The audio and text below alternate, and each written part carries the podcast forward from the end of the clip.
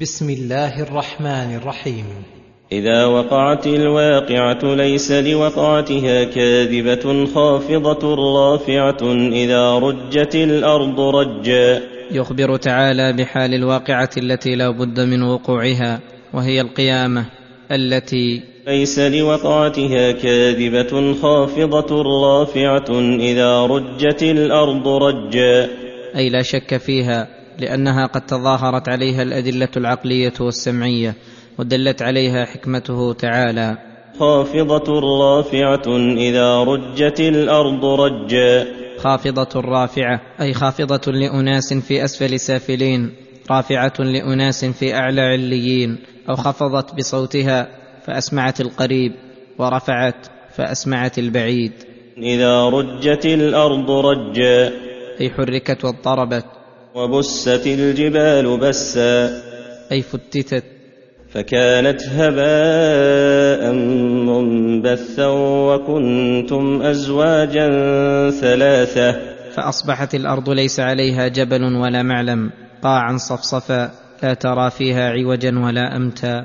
وكنتم أزواجا ثلاثة وكنتم أيها الخلق أزواجا ثلاثة أي انقسمتم ثلاث فرق. بحسب أعمالكم الحسنة والسيئة ثم فصل أحوال الأزواج الثلاثة فقال فأصحاب الميمنة ما أصحاب الميمنة؟ تعظيم لشأنهم وتفخيم لأحوالهم. وأصحاب المشأمة ما أصحاب المشأمة؟ وأصحاب المشأمة أي الشمال ما أصحاب المشأمة تهويل لحالهم. والسابقون السابقون. أولئك المقربون.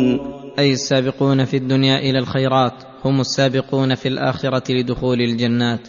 أولئك الذين هذا وصفهم المقربون عند الله. في جنات النعيم. في أعلى عليين في المنازل العاليات التي لا منزلة فوقها. وهؤلاء المذكورون. ثلة من الأولين. أي جماعة كثيرون من المتقدمين من هذه الأمة وغيرهم. وقليل من الآخرين. وقليل من الآخرين. وهذا يدل على فضل صدر هذه الأمة في الجملة على متأخريها. لكون المقربين من الأولين أكثر من المتأخرين والمقربون هم خواص الخلق. على سرر موضونة. على سرور موضونة أي مرمولة بالذهب والفضة. واللؤلؤ والجوهر وغير ذلك من الحلي والزينة التي لا يعلمها إلا الله تعالى. متكئين عليها متقابلين. متكئين عليها أي على تلك السرور جلوس تمكن وطمأنينة وراحة واستقرار. متقابلين. وجه كل منهم إلى وجه صاحبه من صفاء قلوبهم وحسن أدبهم وتقابل قلوبهم. يطوف عليهم ولدان مخلدون. أي يدور على أهل الجنة للخدمة وقضاء حوائجهم ولدان صغار الأسنان في غاية الحسن والبهاء كأنهم لؤلؤ مكنون أي مستور لا يناله ما يغيره مخلوقون للبقاء والخلد لا يهرمون ولا يتغيرون ولا يزيدون على أسنانهم ويدورون عليهم بآنية شرابهم. بأكواب وأباريق وكأس من معين. بأكواب وهي التي لا عرى لها وأباريق الأواني التي لها عرى وكأس من معين أي من خمر لذيذ المشرب لا آفة فيها. لا يصدعون عنها ولا ينزفون. لا يصدعون عنها. أي لا تصدعهم رؤوسهم كما تصدع خمرة الدنيا رأس شاربها. ولا ينزفون. ولا هم عنها ينزفون. أي لا تنزف عقولهم ولا تذهب أحلامهم منها كما يكون لخمر الدنيا. والحاصل أن جميع ما في الجنة من أنواع النعيم الموجود جنسه في الدنيا لا يوجد في الجنة فيه آفة. كما قال تعالى فيها أنهار من ماء غير آس وأنهار من لبن لم يتغير طعمه وأنهار من خمر لذة للشاربين وأنهار من عسل مصفى وذكر هنا خمر الجنة ونفى عنها كل آفة توجد في الدنيا. وفاكهة مما يتخيرون. أي مهما تخيروا وراق في أعينهم واشتهته نفوسهم من أنواع الفواكه الشهية والجنى اللذيذ حصل لهم على أكمل وجه وأحسنه. ولحم طير مما يشتهون. أي من كل صنف من الطيور يشتهونه ومن أي جنس من لحمه أرادوا وإن شاءوا مشويا أو طبيخا أو غير ذلك. وحور عين كأمثال اللؤلؤ المكنون. ولهم حور عين والحوراء التي في عينها كحل وملاحة وحسن وبهاء والعين حسان الأعين وضخامها وحسن العين في الأنثى من أعظم الأدلة على حسنها وجمالها. كأمثال اللؤلؤ المكنون. أي كأنهن اللؤلؤ الأبيض الرطب الصافي البهي المستور عن الأعين والريح والشمس الذي يكون لونه من أحسن الألوان الذي لا عيب فيه بوجه من الوجوه فكذلك الحور العين لا عيب فيهن بوجه. بل هن كاملات الأوصاف جميلات النعوت فكل ما تأملته منها لم تجد فيه إلا ما يسر الخاطر ويروق الناظر وذلك النعيم المعد لهم. جزاء بما كانوا يعملون. فكما حسنت منهم الأعمال أحسن الله لهم الجزاء ووفر لهم الفوز والنعيم. لا يسمعون فيها لغوا ولا تأثيما. أي لا يسمعون في جنات النعيم كلام لغو ولا يكون فيه فائدة ولا كلاما يؤثم صاحبه. إلا قيلا سلاما سلاما. أي إلا كلاما طيبا وذلك لأنها دار الطيبين ولا يكون فيها إلا كل طيب. وهذا دليل على حسن أدب أهل الجنة في خطابهم فيما بينهم وأنه أطيب كلام وأسره للنفوس وأسلمه من كل لغو وإثم نسأل الله من فضله. ثم ذكر نعيم أصحاب اليمين فقال وأصحاب اليمين ما أصحاب اليمين؟ أي شأنهم عظيم وحالهم جسيم. في سدر مخضود أي مقطوع ما فيه من الشوك والأغصان الرديئة المضرة مجعول مكان ذلك الثمر الطيب وللسدر من الخواص الظل الظليل وراحة الجسم فيه. وطلح منضود. والطلح معروف وهو شجر كبار يكون بالبادية تنضد أغصانه من الثمر اللذيذ الشهي. وظل ممدود. وماء مسكوب وماء مسكوب أي كثير من العيون والأنهار السارحة والمياه المتدفقة. وفاكهة كثيرة لا مقطوعة ولا ممنوعة. أي ليست بمنزلة فاكهة الدنيا تنقطع في وقت من الأوقات وتكون ممتنعة. أي متعسرة على مبتغيها بل هي على الدوام موجودة وجناها قريب يتناوله العبد على أي حال يكون. وفرش مرفوعة إنا أنشأناهن إنشاء وفرش مرفوعة أي مرفوعة فوق الأسرة ارتفاعا عظيما وتلك الفرش من الحرير والذهب واللؤلؤ. وما لا يعلمه إلا الله. إنا أنشأناهن إنشاء. أي انا انشانا نساء أهل الجنه نشاه غير النشاه التي كانت في الدنيا نشاه كامله لا تقبل الفناء. فجعلناهن أبكارا عربا أترابا لأصحاب اليمين. أي صغارهن وكبارهن. وعموم ذلك يشمل الحور العين ونساء أهل الدنيا وأن هذا الوصف وهو البكارة ملازم لهن في جميع الأحوال كما أن كونهن عربا أترابا ملازم لهن في كل حال. والعروب هي المرأة المتحببة إلى بعلها بحسن لفظها وحسن هيئتها ودلالها وجمالها ومحبتها فهي التي إن تكلمت سبت العقول وود السامع أن كلامها لا ينقضي خصوصا عند غنائهن بتلك الأصوات الرخيمة والنغمات المطربة وإن نظر إلى أدبها وسمتها ودلها ملأت قلب بعلها فرحا وسرورا وإن برزت من محل إلى آخر امتلأ ذلك الموضع منها ريحا طيبا ونورا. ويدخل في ذلك الغنجة عند الجماع والأتراب اللاتي على سن واحدة ثلاث وثلاثين سنة التي هي غاية ما يتمنى ونهاية سن الشباب فنساؤهم عرب أتراب متفقات مؤتلفات راضيات مرضيات لا يحزن ولا يحزن بل هن أفراح النفوس وقرة العيون وجلاء الأبصار. لأصحاب اليمين. أي معدات لهم مهيئات. ثله من الاولين وثله من الاخرين.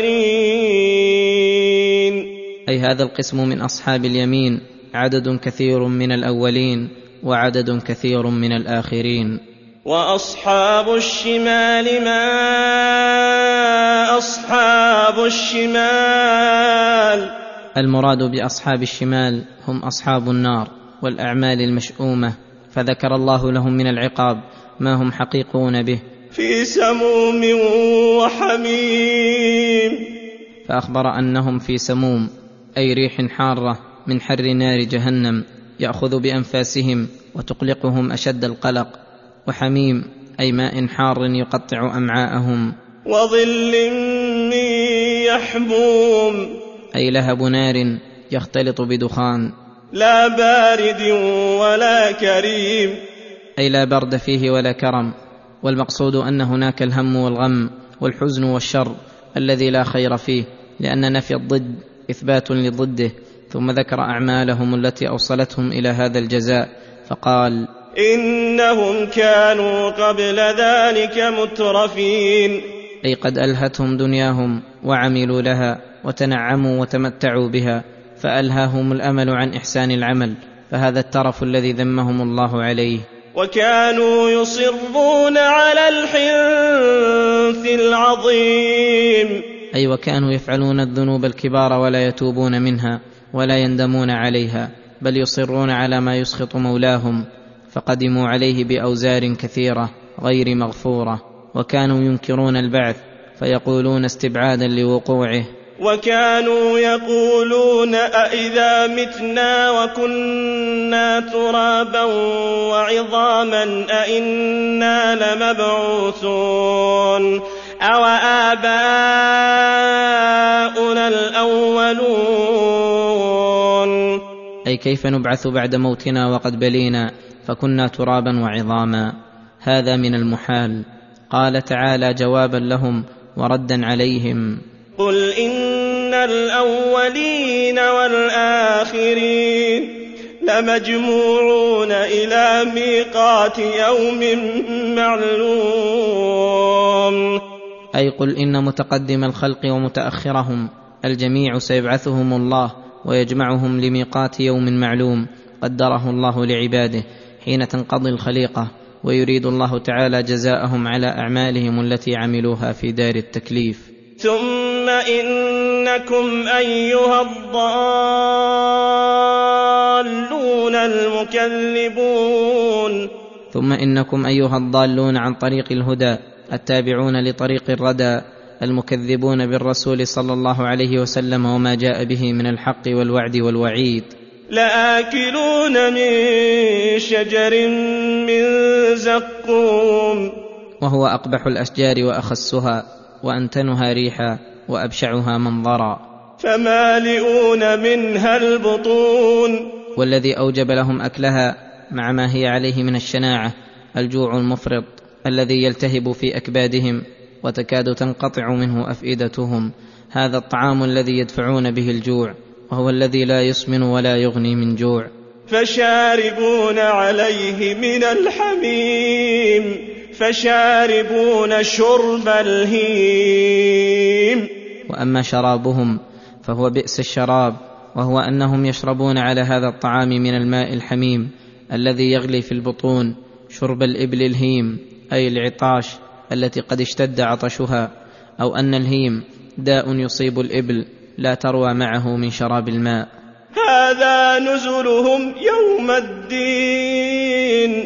هذا الطعام والشراب نزلهم أي ضيافتهم يوم الدين. وهي الضيافة التي قدموها لأنفسهم وآثروها على ضيافة الله لأوليائه. قال تعالى إن الذين آمنوا وعملوا الصالحات كانت لهم جنات الفردوس نزلا خالدين فيها لا يبغون عنها حولا. ثم ذكر الدليل العقلي على البعث فقال نحن خلقناكم فلولا تصدقون. أي نحن الذين أوجدناكم بعد أن لم تكونوا شيئا مذكورا من غير عجز ولا تعب. أفليس القادر على ذلك؟ بقادر على أن يحيي الموتى. بلى إنه على كل شيء قدير. ولهذا وبخهم على عدم تصديقهم بالبعث. وهم يشاهدون ما هو أعظم منه وأبلغ. أفرأيتم ما تمنون أأنتم تخلقونه أم نحن الخالقون؟ نحن قدرنا بينكم الموت وما نحن بمسبوقين على أن نبدل أمثالكم وننشئكم فيما لا تعلمون. أي أفرأيتم ابتداء خلقتكم من المني الذي تمنون؟ فهل أنتم خالقون ذلك المني وما ينشأ منه؟ أم الله تعالى الخالق الذي خلق فيكم من الشهوة وآلتها من الذكر والأنثى وهدى كلا منهما لما هنالك وحبب بين الزوجين وجعل بينهما من المودة والرحمة ما هو سبب للتناسل ولهذا أحالهم الله تعالى على الاستدلال بالنشأة الأولى على النشأة الأخرى فقال ولقد علمتم النشأة الأولى فلولا تذكرون. فلولا تذكرون. أن القادر على ابتداء خلقكم قادر على إعادتكم. أفرأيتم ما تحرثون؟ وهذا امتنان منه على عباده يدعوهم به إلى توحيده وعبادته والإنابة إليه حيث أنعم عليهم بما يسره لهم من الحرث للزروع والثمار فتخرج من ذلك من الأقوات والأرزاق والفواكه ما هو من ضروراتهم وحاجاتهم ومصالحهم التي لا يقدرون أن يحصوها. فضلا عن شكرها وأداء حقها فقررهم بمنته فقال أأنتم تزرعونه أم نحن الزارعون؟ أي أأنتم أخرجتموه نباتا من الأرض أم أنتم الذين نميتموه؟ أم أنتم الذين أخرجتم سنبله وثمره حتى صار حبا حصيدا وثمرا نضيجا؟ أم الله الذي انفرد بذلك وحده وأنعم به عليكم؟ وأنتم غاية ما تفعلون أن تحرثوا الأرض وتشقوها وتلقوا فيها البذور. ثم بعد ذلك لا علم عندكم بما يكون بعد ذلك ولا قدرة لكم على أكثر من ذلك. ومع ذلك فنبههم على أن ذلك الحرث معرض للأخطار لولا حفظ الله وإبقاؤه لكم بلغة ومتاعا إلى حين. فقال لو نشاء لجعلناه حطاما فظلتم تفكهون.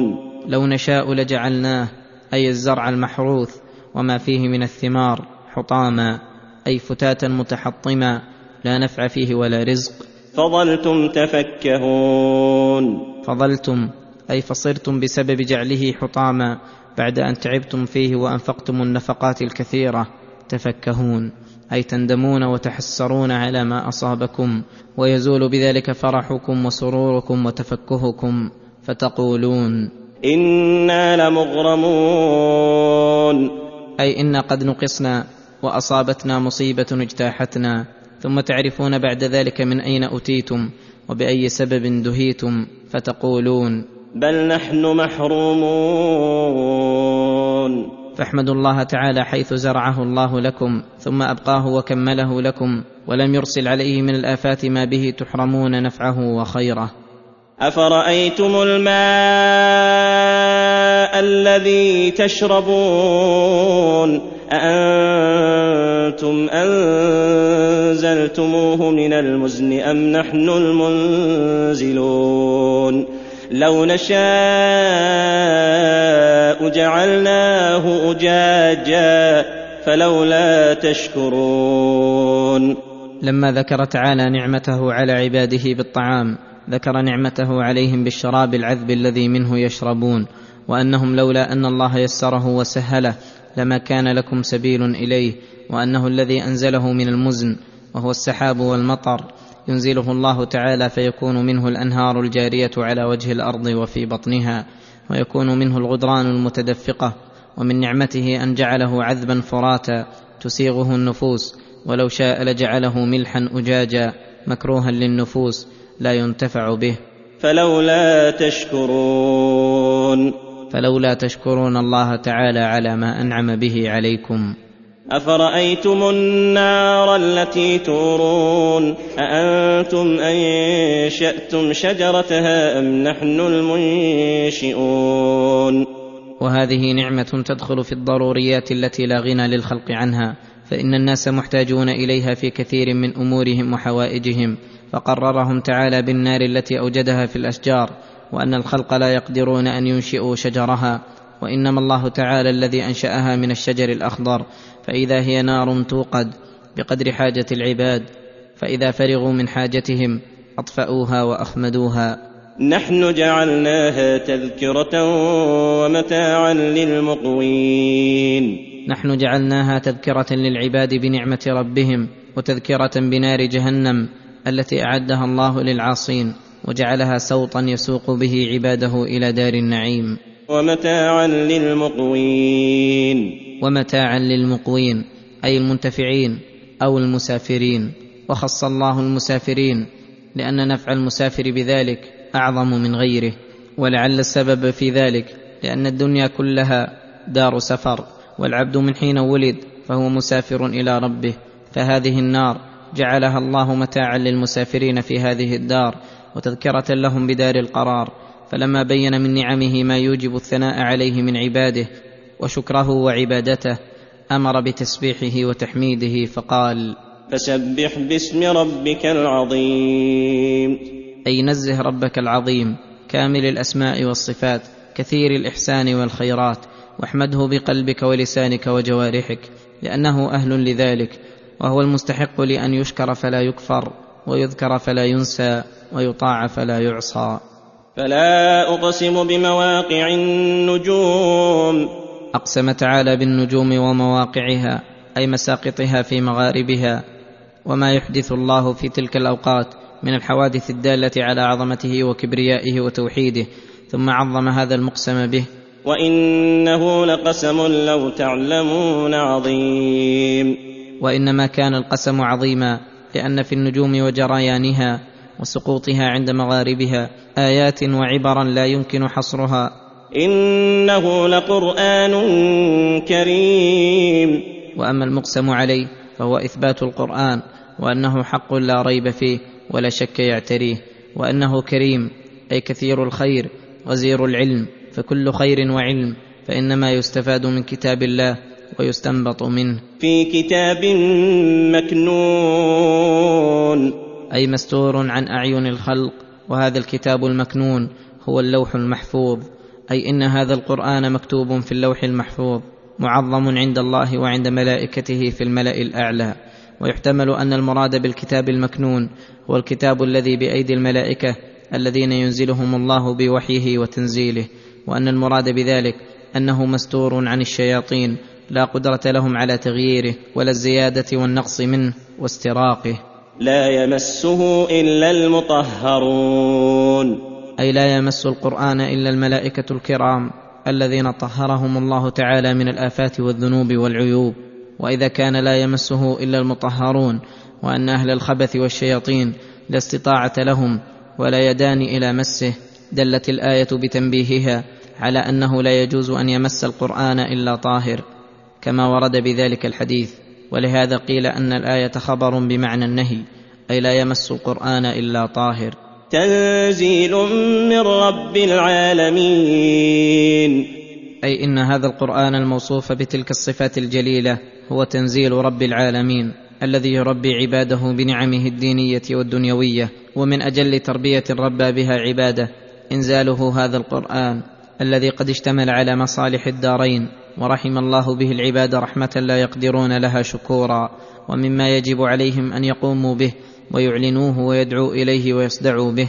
ولهذا قال أفبهذا الحديث أنتم مدهنون؟ أي أفبهذا الكتاب العظيم والذكر الحكيم أنتم تدهنون؟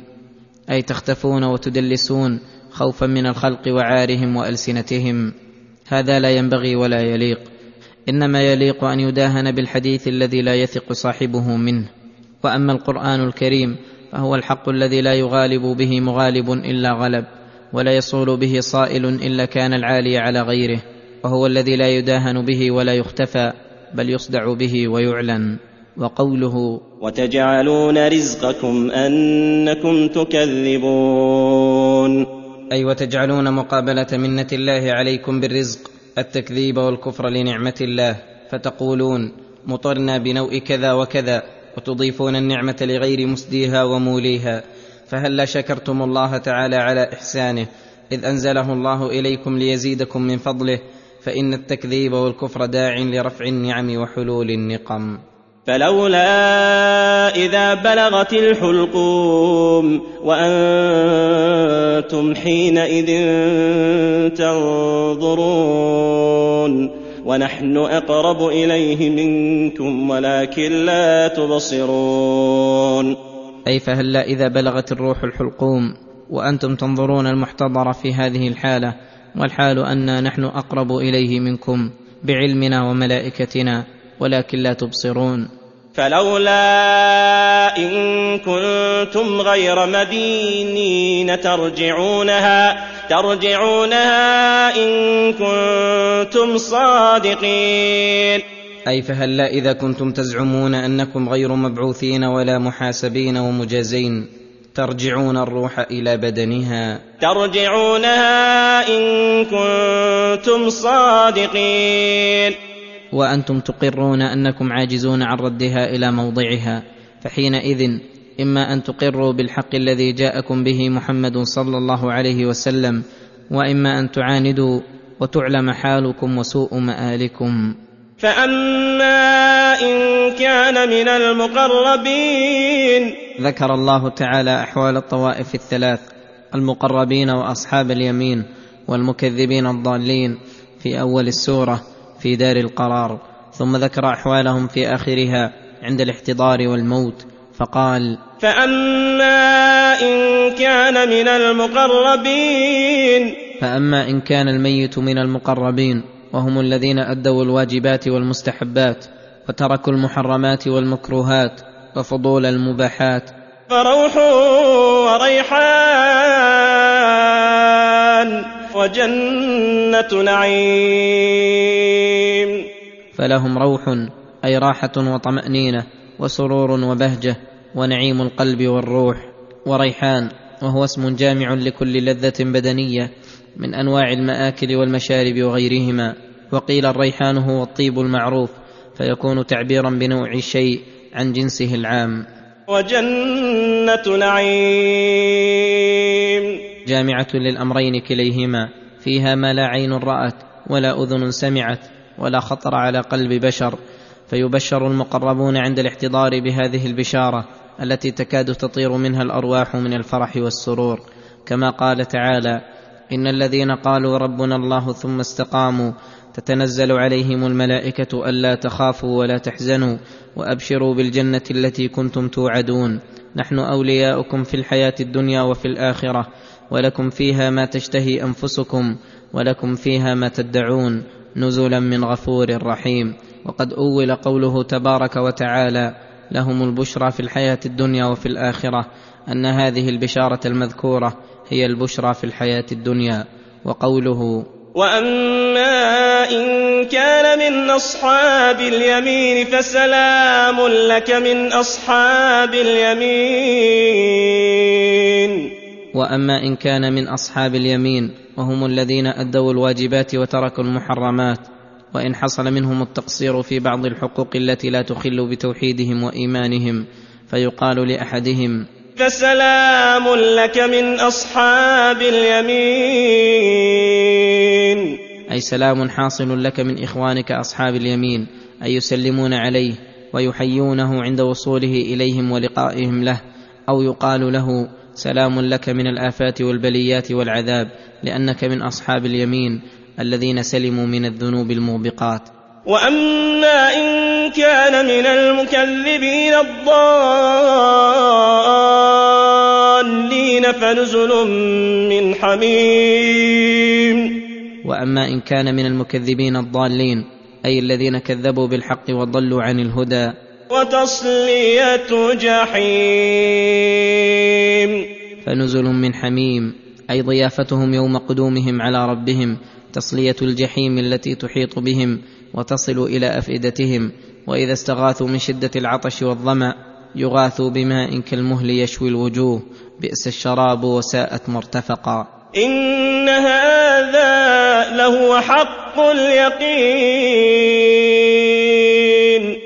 هذا الذي ذكره الله تعالى من جزاء العباد بأعمالهم خيرها وشرها وتفاصيل ذلك لهو حق اليقين أي الذي لا شك فيه ولا مرية بل هو الحق الثابت الذي لا بد من وقوعه وقد أشهد الله عباده الأدلة القواطع على ذلك.